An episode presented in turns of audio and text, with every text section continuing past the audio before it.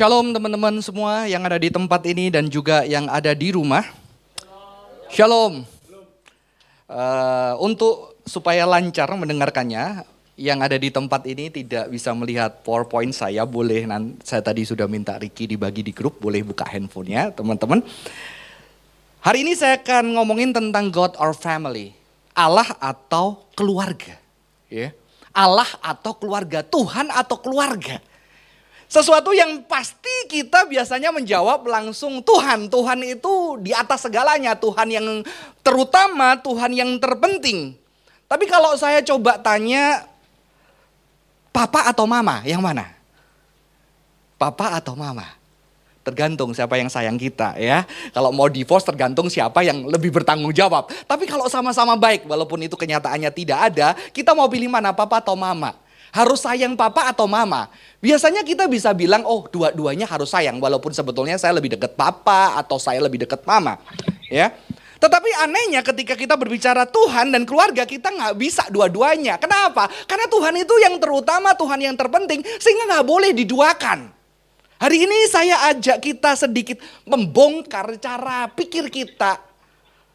Dan mungkin kita bisa terkejut.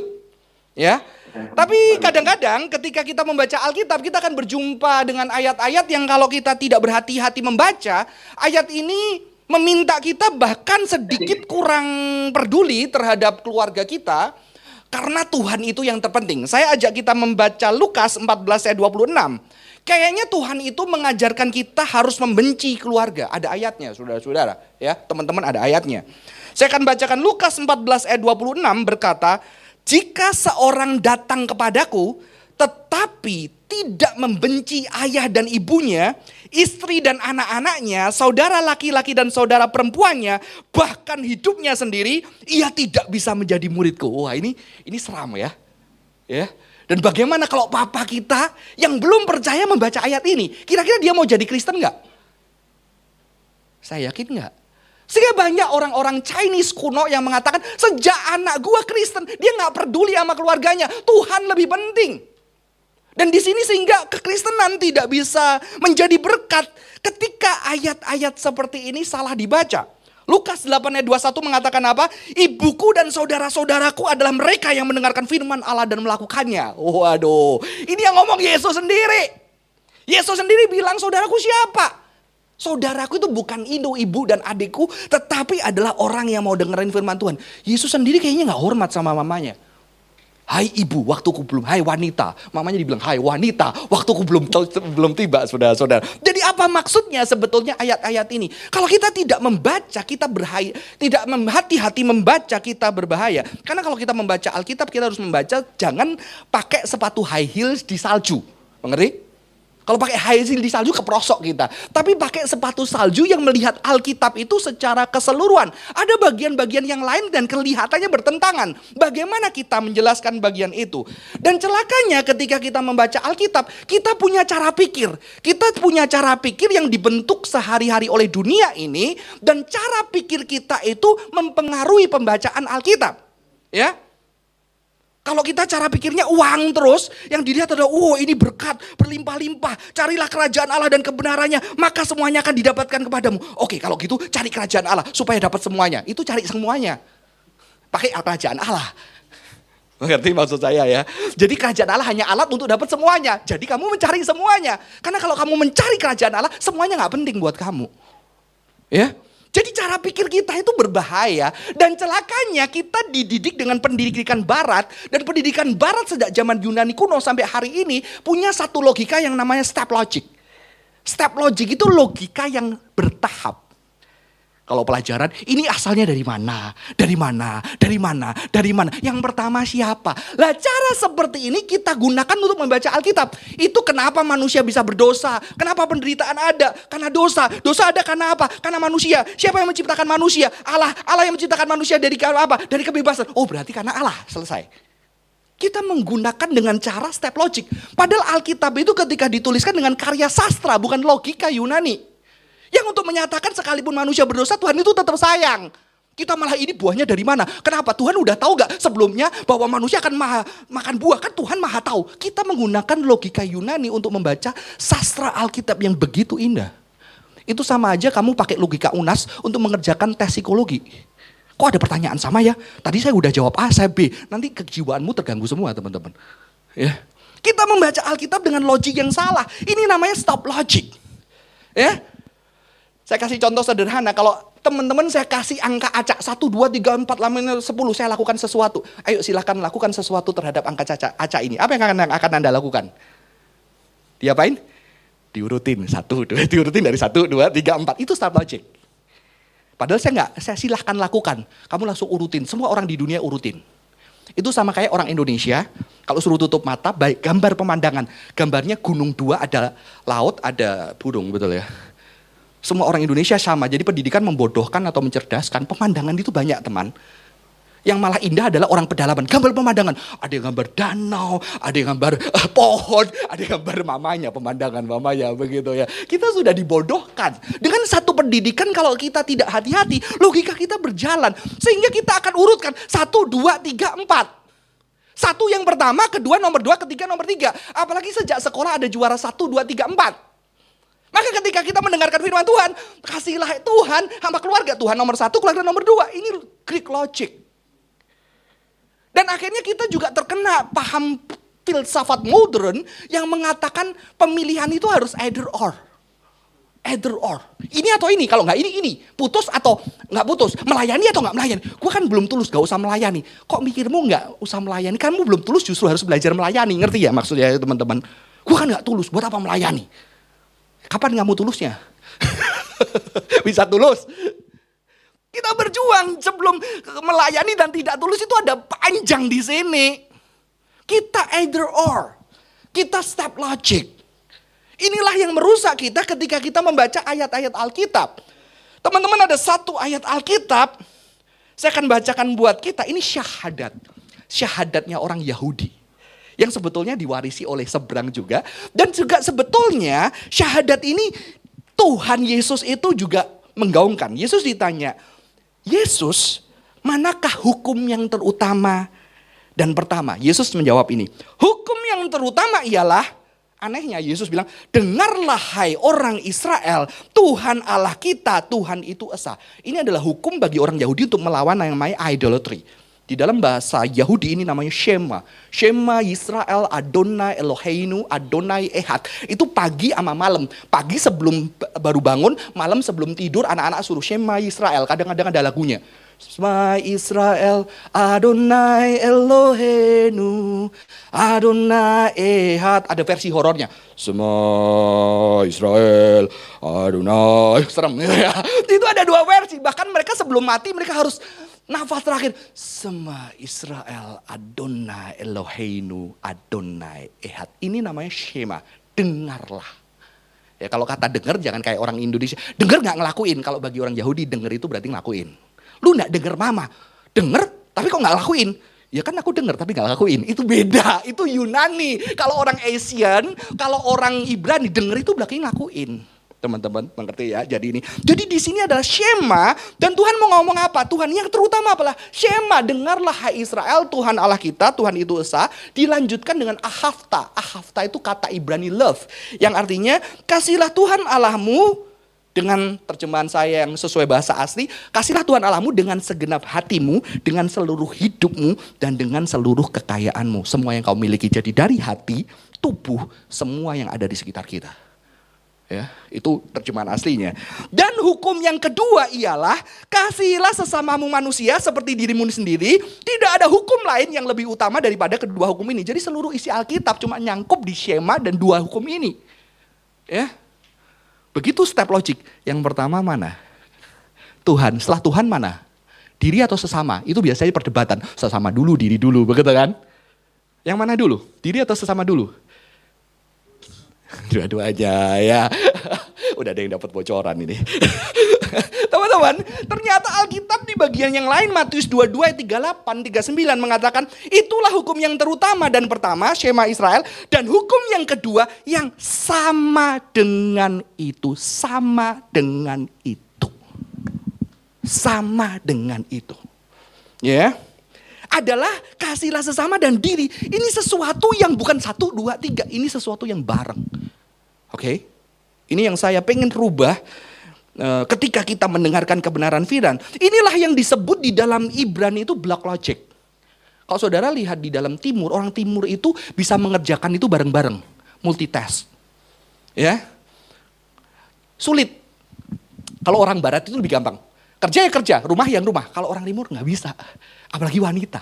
Di rumah kerja, di tempat kerja ngurusin urusan rumah begitu ya berantakan sehingga ketika diajarin gimana caranya bisa memisahkan nggak bisa karena orang Asia sejak lahir sejak kecil diatur untuk multitask segala sesuatu itu bisa barengan Justru ini adalah pemikiran Alkitab. Sesuatu yang berbeda bisa paradoks sama.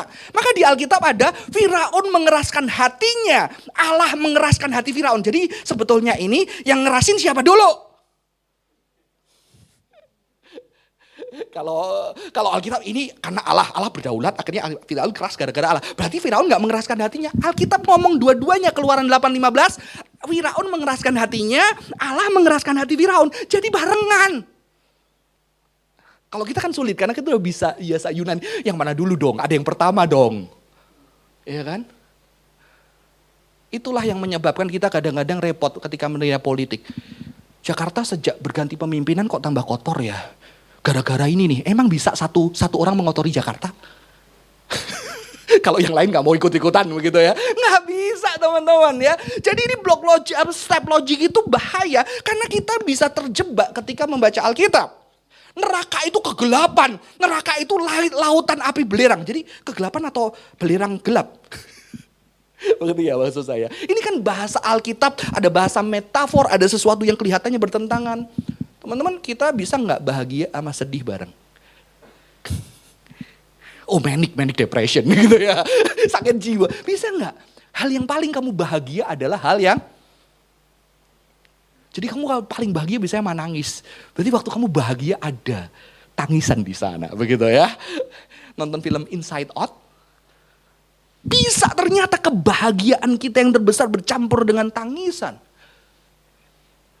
Aku baru dapat pacar sebentar temennya aku meninggal jadi aku bahagia sama wah lihat temen meninggal. Aduh itu bingung banget. Itu manusia itu bisa sesuatu yang paradoks ada di dalam dirinya. Dan Alkitab penuh dengan paradoks dan ini tidak bisa didebatkan kedaulatan Allah. Kehendak bebas manusia. Ya kalau Allah berdaulat, manusia nggak bebas. Kalau manusia bebas, manusia berdaulat. Ya ini nanti jadi perdebatan teologi yang sekolah teologi aja lah yang ngurusin ya. Kenapa? Karena kita main urutan. Dan inilah bahaya ketika kita membaca ayat-ayat seperti tadi teman-teman. Dan kita akhirnya, oh pekerjaan, family aja enggak, apalagi kerjaan, Tuhan. Yang terutama. Teman-teman. Biasanya kita juga dapat Allah ayat, jangan sampai keluarga itu jadi berhala. Oke? Okay? Jangan sampai keluarga itu jadi berhala. Itu saya ada gambar, itu bukan gambar stick ya ya ada paha bagian leher, ribs begitu ya. Itu family, family itu bisa menjadi idol. Ketika dia menggantikan tempat Tuhan. Saya juga bertahun-tahun percaya ini, saya juga berkhotbah tentang ini. Tapi ketika saya meneliti lebih dalam, untuk membaca Alkitab lebih dalam, emang Tuhan kita adalah Tuhan yang insecure. Insecure God. Bukan filmnya itu ya, Insecure itu ya. Film apa itu? Filmnya Ernest itu. Uh, yang sibling rivalry cewek dua itu yang ribut itu film apa itu? Insecure dia. Insecure. Tuhan itu insecure sehingga Tuhan nggak mau diduakan. Tuhan atau pacarmu. Sehingga ada anak-anak yang rohani datang sama saya.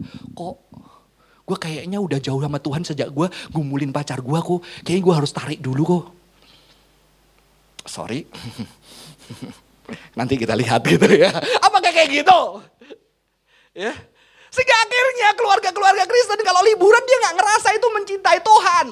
Kayaknya ini pekerjaan duniawi deh ketika gue liburan. Bersama keluarga gue, ketika gue membahagiakan keluarga gue. Teman-teman.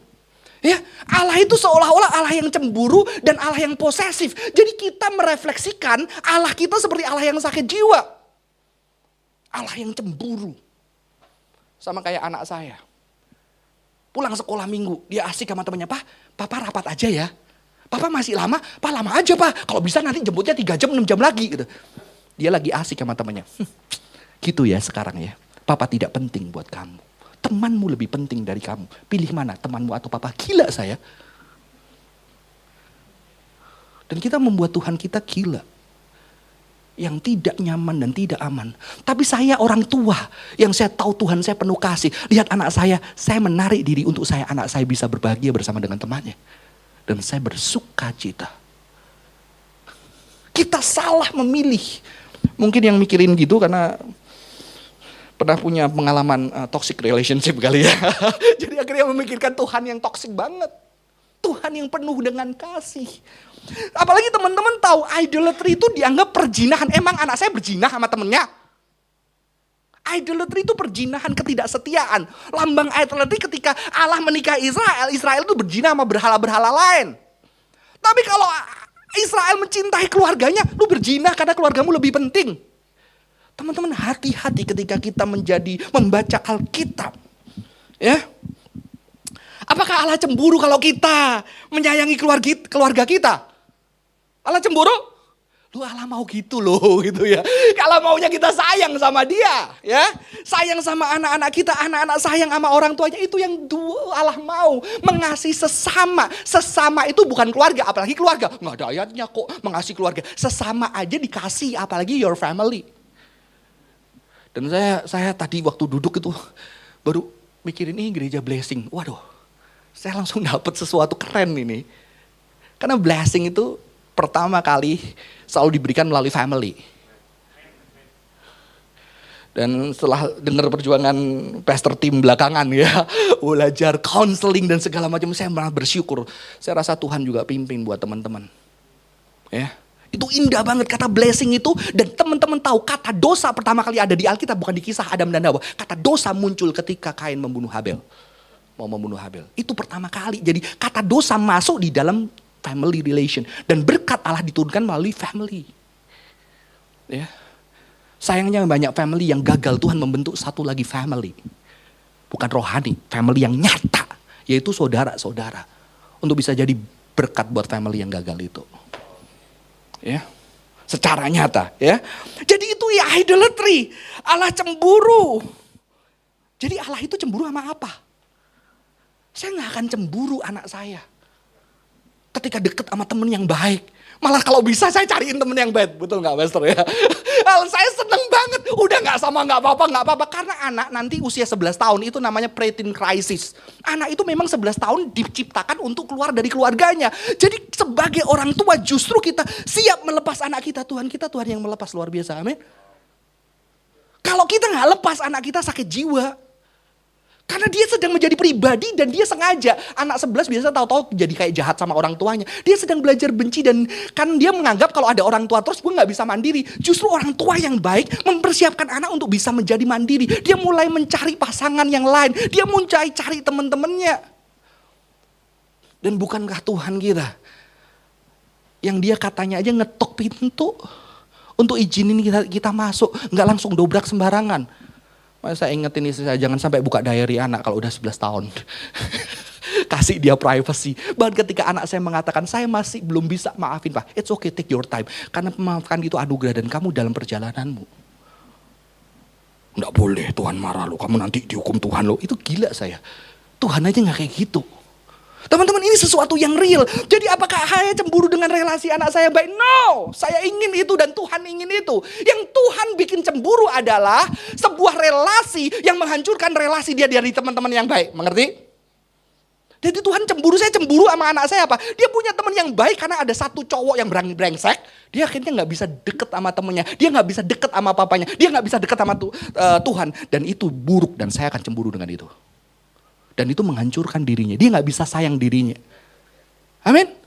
Itu yang Tuhan buat cemburu. Kenapa? Kan dia jauh dari firman Tuhan. Firman Tuhan yang terutama mengasihi Tuhan sesama dan diri. Oke?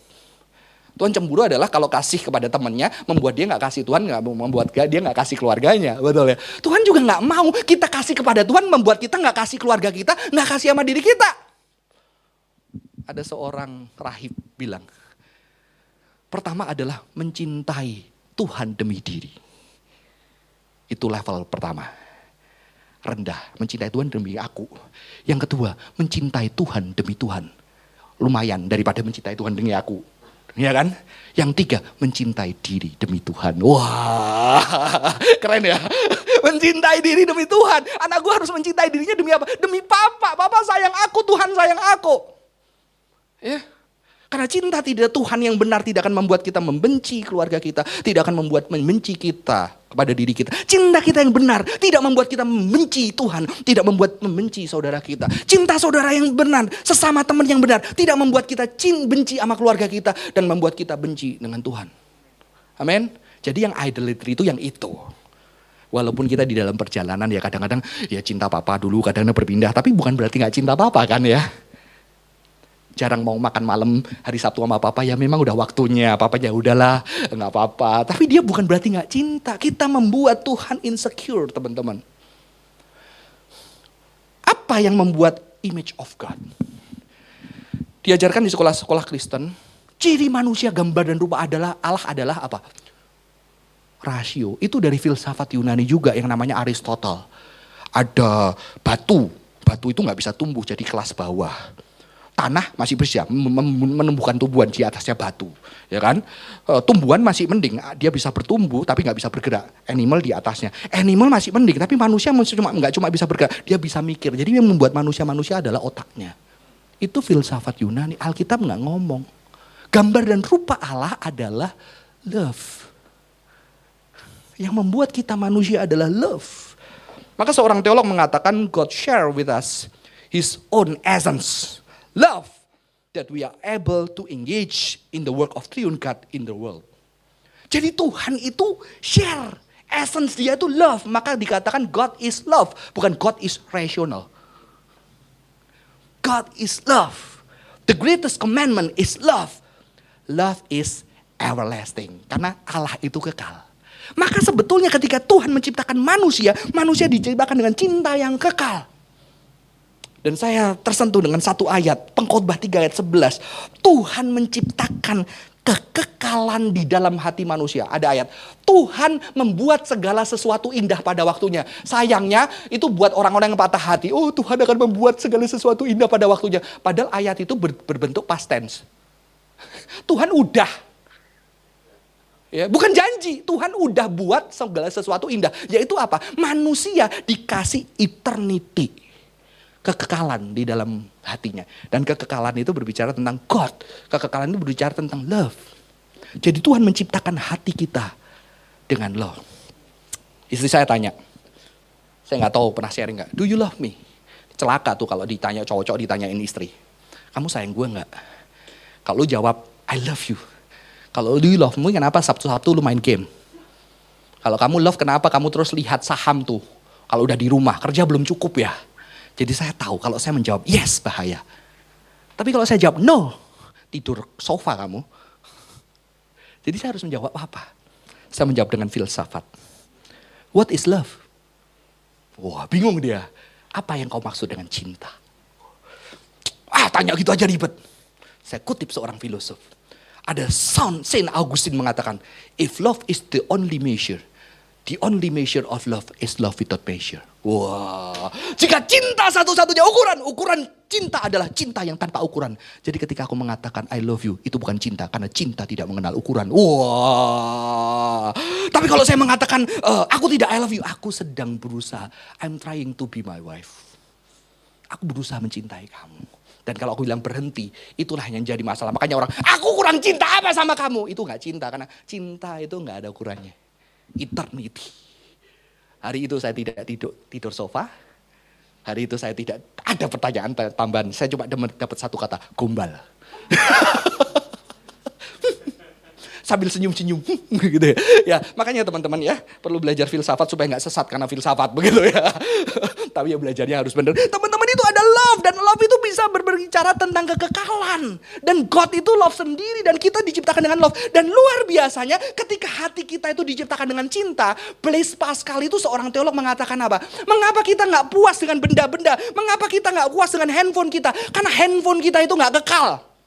Karena bisa rusak dan kalah update. 7, 8, 9 muncul terus. Maka kita hanya bisa diciptakan dan dipenuhi dengan yang kekal. Mengerti? Karena Tuhan adalah kekal hati kita itu isinya kekekalan gak bisa. Hanya Tuhan saja. Wah dulu saya amin dengan ayat ini sekarang enggak. Karena ternyata ketika Tuhan menciptakan hati kita dengan cinta. Tuhan tidak cuma menaruh hati kita untuk dia. Tuhan taruh hati kita untuk orang lain. Tuhan taruh hati kita untuk diri kita. Saya itu belajar parenting, gimana caranya didik anak supaya anak saya nggak kayak saya banyak kekecewaan dalam hidup. Dan makanya saya sering puji ketika dia bagus. Kalau jelek jangan dipuji ya teman-teman ya. Oh bagus supaya dia gak sakit hati. Itu siksaan dan hinaan begitu ya. Dan suatu hari saya ajak anak saya nonton uh, eh, DBL. Waktu itu saya mengajar satu sekolah dan menang uh, final DBL. Dan ketika nonton, pulang-pulang dari nonton dia, Pak aku mau jadi pemain basket. Hah? Nggak pernah pegang bola basket. Kenapa Pak jadi pemain basket? Iya Pak, seru Pak. Kenapa? Lihat Pak, semua tepuk tangan awesome, awesome, asem gitu ya. Nggak ada yang ngomong awesome, awesome, awesome. Saya bilang, lu kan Papa sudah sering puji kamu. Kan cuma apa-apa. Ternyata anak saya tidak dengan cukup bahagia dengan saya saja. Karena hati anak saya diciptakan Tuhan ada orang lain. Amin. Dan hati anak saya diciptakan dengan dua Tuhan. Jadi Tuhan itu seperti saya yang lebih baik dari saya. Ketika kita berbahagia, Tuhan desain hati kita untuk sesama kita. Tuhan desain hati kita untuk diri kita. Dan Tuhan juga desain hati kita untuk Tuhan. Jadi kita nggak akan pernah puas hanya dengan Tuhan. Maka Tuhan tidak cukup mengatakan hanya dengan aku. Kamu mencintai orang lain dan menjadi berkat. Amin. Bahayanya kalau hanya Tuhan kita bisa lari dan kita menjadi lari dari dunia ini. Cuma Tuhan aja enggak. Karena ternyata teman-teman sekarang ilmu pengetahuan membuktikan ketika kamu pergi ke tempat-tempat yang teduh, retreat dan segala macam, itu hal spiritual itu juga lebih mudah. Fisikal, karena fisikal itu juga kehadiran Tuhan di dunia ini. Amin. Setiap desain-desain yang terbaik, handphone segala macamnya diciptakan oleh otak manusia dengan kecerdasan yang luar biasa sehingga bisa begitu indahnya. Kalau nggak indah, mengapa kita bisa tersentuh? Tetapi digunakan untuk memiskinkan kita begitu aja teman-teman ya. Keindahan yang digunakan karena tidak mungkin tidak indah itu desain otak yang diciptakan Tuhan. Ya Tuhan menciptakan dengan begitu indah.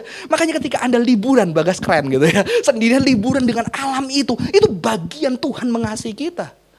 Teman-teman tahu kalau Yahudi bersahabat bersahabat itu beribadah ke gereja, pulangnya dia makan enak, kumpul bareng sama keluarga, tamasya untuk merayakan harinya Tuhan. Hari Tuhan itu bukan cuma kita, semua ciptaan ini adalah berkat Tuhan buat kita. Maka Tuhan ngapain repot-repot menanam tanam, ada tumbuhan, ada air yang mengalir yang begitu segar. Itu adalah anugerah dengan dari Tuhan. Amin. Teman-teman, maka itu sebetulnya love your family itu bagian dari love God, love self, dan love your neighbor. Karena hati kita tidak hanya diciptakan untuk kita. Maka ketika kita sedang mencintai keluarga kita, kita sebetulnya mencintai diri kita. Kita sedang mencintai Tuhan. Maka saya mengatakan ketika kita tidak mencintai diri kita pun, kita tidak mencintai keluarga saya. Saya sekarang setiap hari kardio gara-gara kena covid kemarin, city saya sembilan, hampir lewat karena nggak ada rumah sakit. Buka, nggak ada obat-obatan, kosong semua. Di situ saya ketika covid itu akhirnya dicek tubuh saya, dan ternyata ada jantung koroner di situ yang saya harus bereskan setelah ini, dan di situ saya harus bertobat. Karena ketika saya nggak mencintai tubuh saya, anak-anak saya itu nanti bisa yatim piatu teman-teman. Walaupun hidup dan mati di tangan Tuhan. Tapi Tuhan juga perintahkan kita menjaga tubuh kita. Saya harus olahraga tiap hari sekarang. Saya harus jaga makan saya. Supaya apa? Anak saya itu pengen nanti kalau nikah ada yang gandeng. Wah, dia udah pilih lagunya teman-teman. Aku mau lagu kayak mama, dia pengen gandeng nanti. Nanti kasihan siapa yang gandeng anak saya.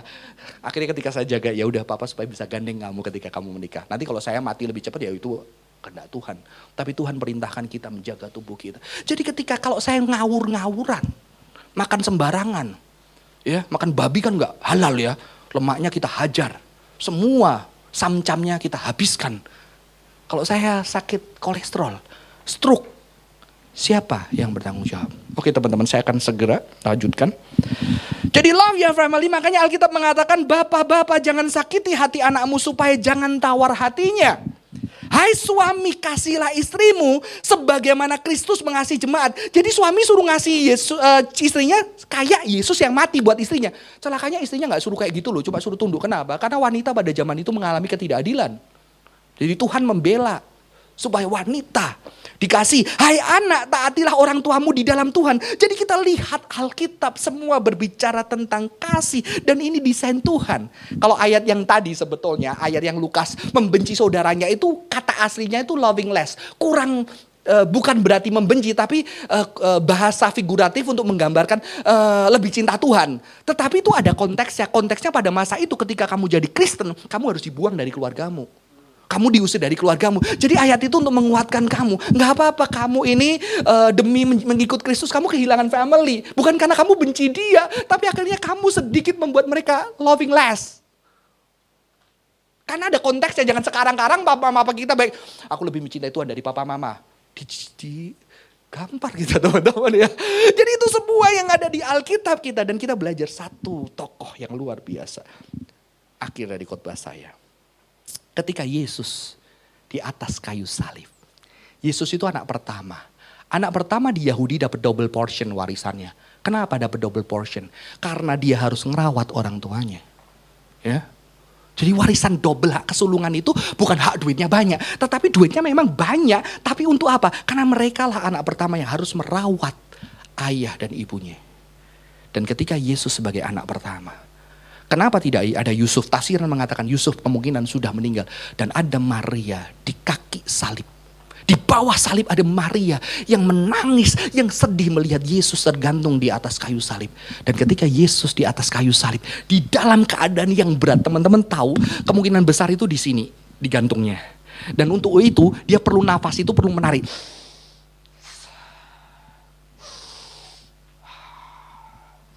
Jadi itu bergores-gores. Kenapa di sini? Kemungkinan besar karena ini ada tulang yang lubang sehingga bisa tergantung kuat. Ya. Dan ketika dia dia lihat mamanya. Sayangnya orang Kristen kalau bikin film kurang manusiawi gitu. Coba dilihat mamanya terus lihat dia waktu kecil digendong, disusuin, jatuh diangkat, terus dia peluk mamanya, terus ada lagu Mama How.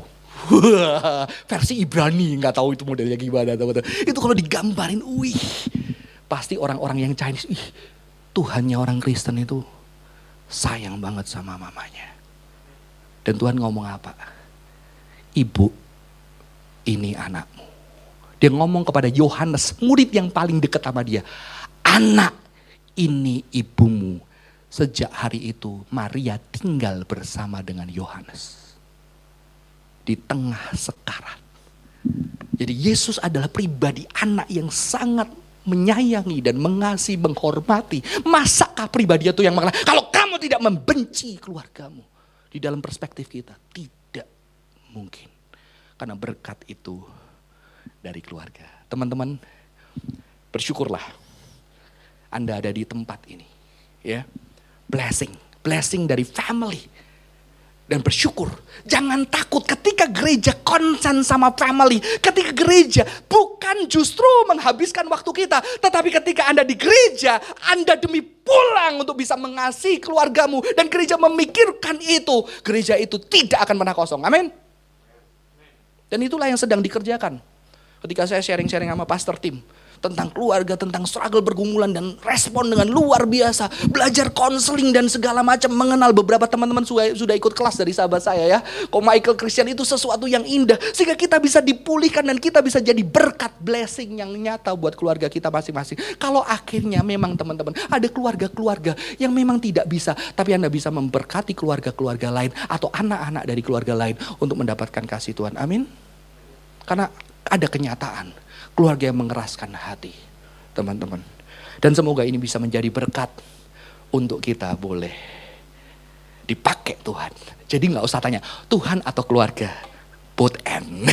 Kedua-duanya. Karena ketika aku mencintai keluargaku, aku sedang mencintai Tuhan. Teman-teman saya boleh minta pianis? Teman-teman main aja apa lagu terserah. Teman-teman yang di rumah yang punya sedang duduk bareng sama suami sama istrinya, duduknya deketin, deket dikit ya. Pegang tangan istrimu. Ya. Yang masih jomblo, bayangkan. Oh, gak, gak perlu. yang di tempat ini, kepikir papa mamanya, mari kita pejamkan mata. Teman-teman yang di rumah yang punya anak bayi, boleh pegang, peluk. Ketika kamu mencintai anak-anakmu. Itu yang Tuhan mau. Cintailah dengan segenap hatimu. Suami dan istri boleh memeluk. Istrimu, suamimu. Ketika kamu mencintai dia dengan segala keterbatasan dan kelemahannya. Itulah yang Tuhan mau. Dan Tuhan menunjukkan kasih kepada Tuhan. Ditunjukkan ketika engkau mengasihi sesamamu. Buat kita yang mungkin punya kekecewaan dengan orang tua di rumah kita. Yang kita pengen pergi dari rumah ada banyak anak pengen-pengen buru-buru nikah supaya apa? Supaya cepat keluar dari keluarganya. Lihat, bayangkan papa dan mama. Walaupun berat. Tapi itulah yang kamu pengen cintai. Kalaupun kamu pengen pergi dari rumah untuk kamu bertahan, nggak apa-apa. Tapi kamu pergi untuk bisa punya jarak untuk bisa mencintai mereka lagi. Kamu pergi untuk pulang, bukan pergi untuk meninggalkan. Amin.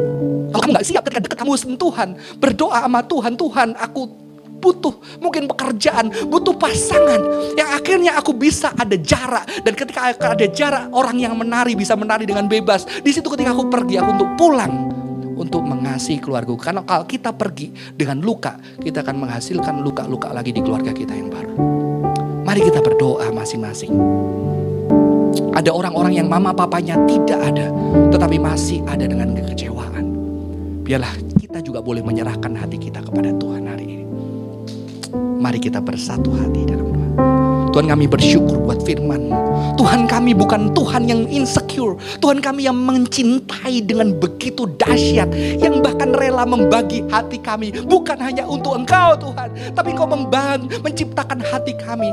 Untuk keluarga kami. Untuk anak kami. Untuk orang tua kami. Untuk pasangan kami. Tuhan kami bukan cemburuan ketika kami mengasihi keluarga kami. Justru Tuhan kami memerintahkan. Kami harus mengasihi keluarga kami. Pria mengasihi istrinya. Seperti Yesus mengasihi jemaat, istri menghormati suaminya, anak-anak menghormati uh, orang tuanya, istri tunduk kepada suaminya. Dan biarlah kasih Tuhan ada buat gereja ini. Dan gereja ini boleh menjadi blessing Tuhan. Bagi keluarga-keluarga. Berkati setiap hamba Tuhan, full timer dan pengurus dan setiap jemaatmu. Terima kasih Tuhan di dalam nama Tuhan Yesus Kristus. Kami bersyukur dan berdoa.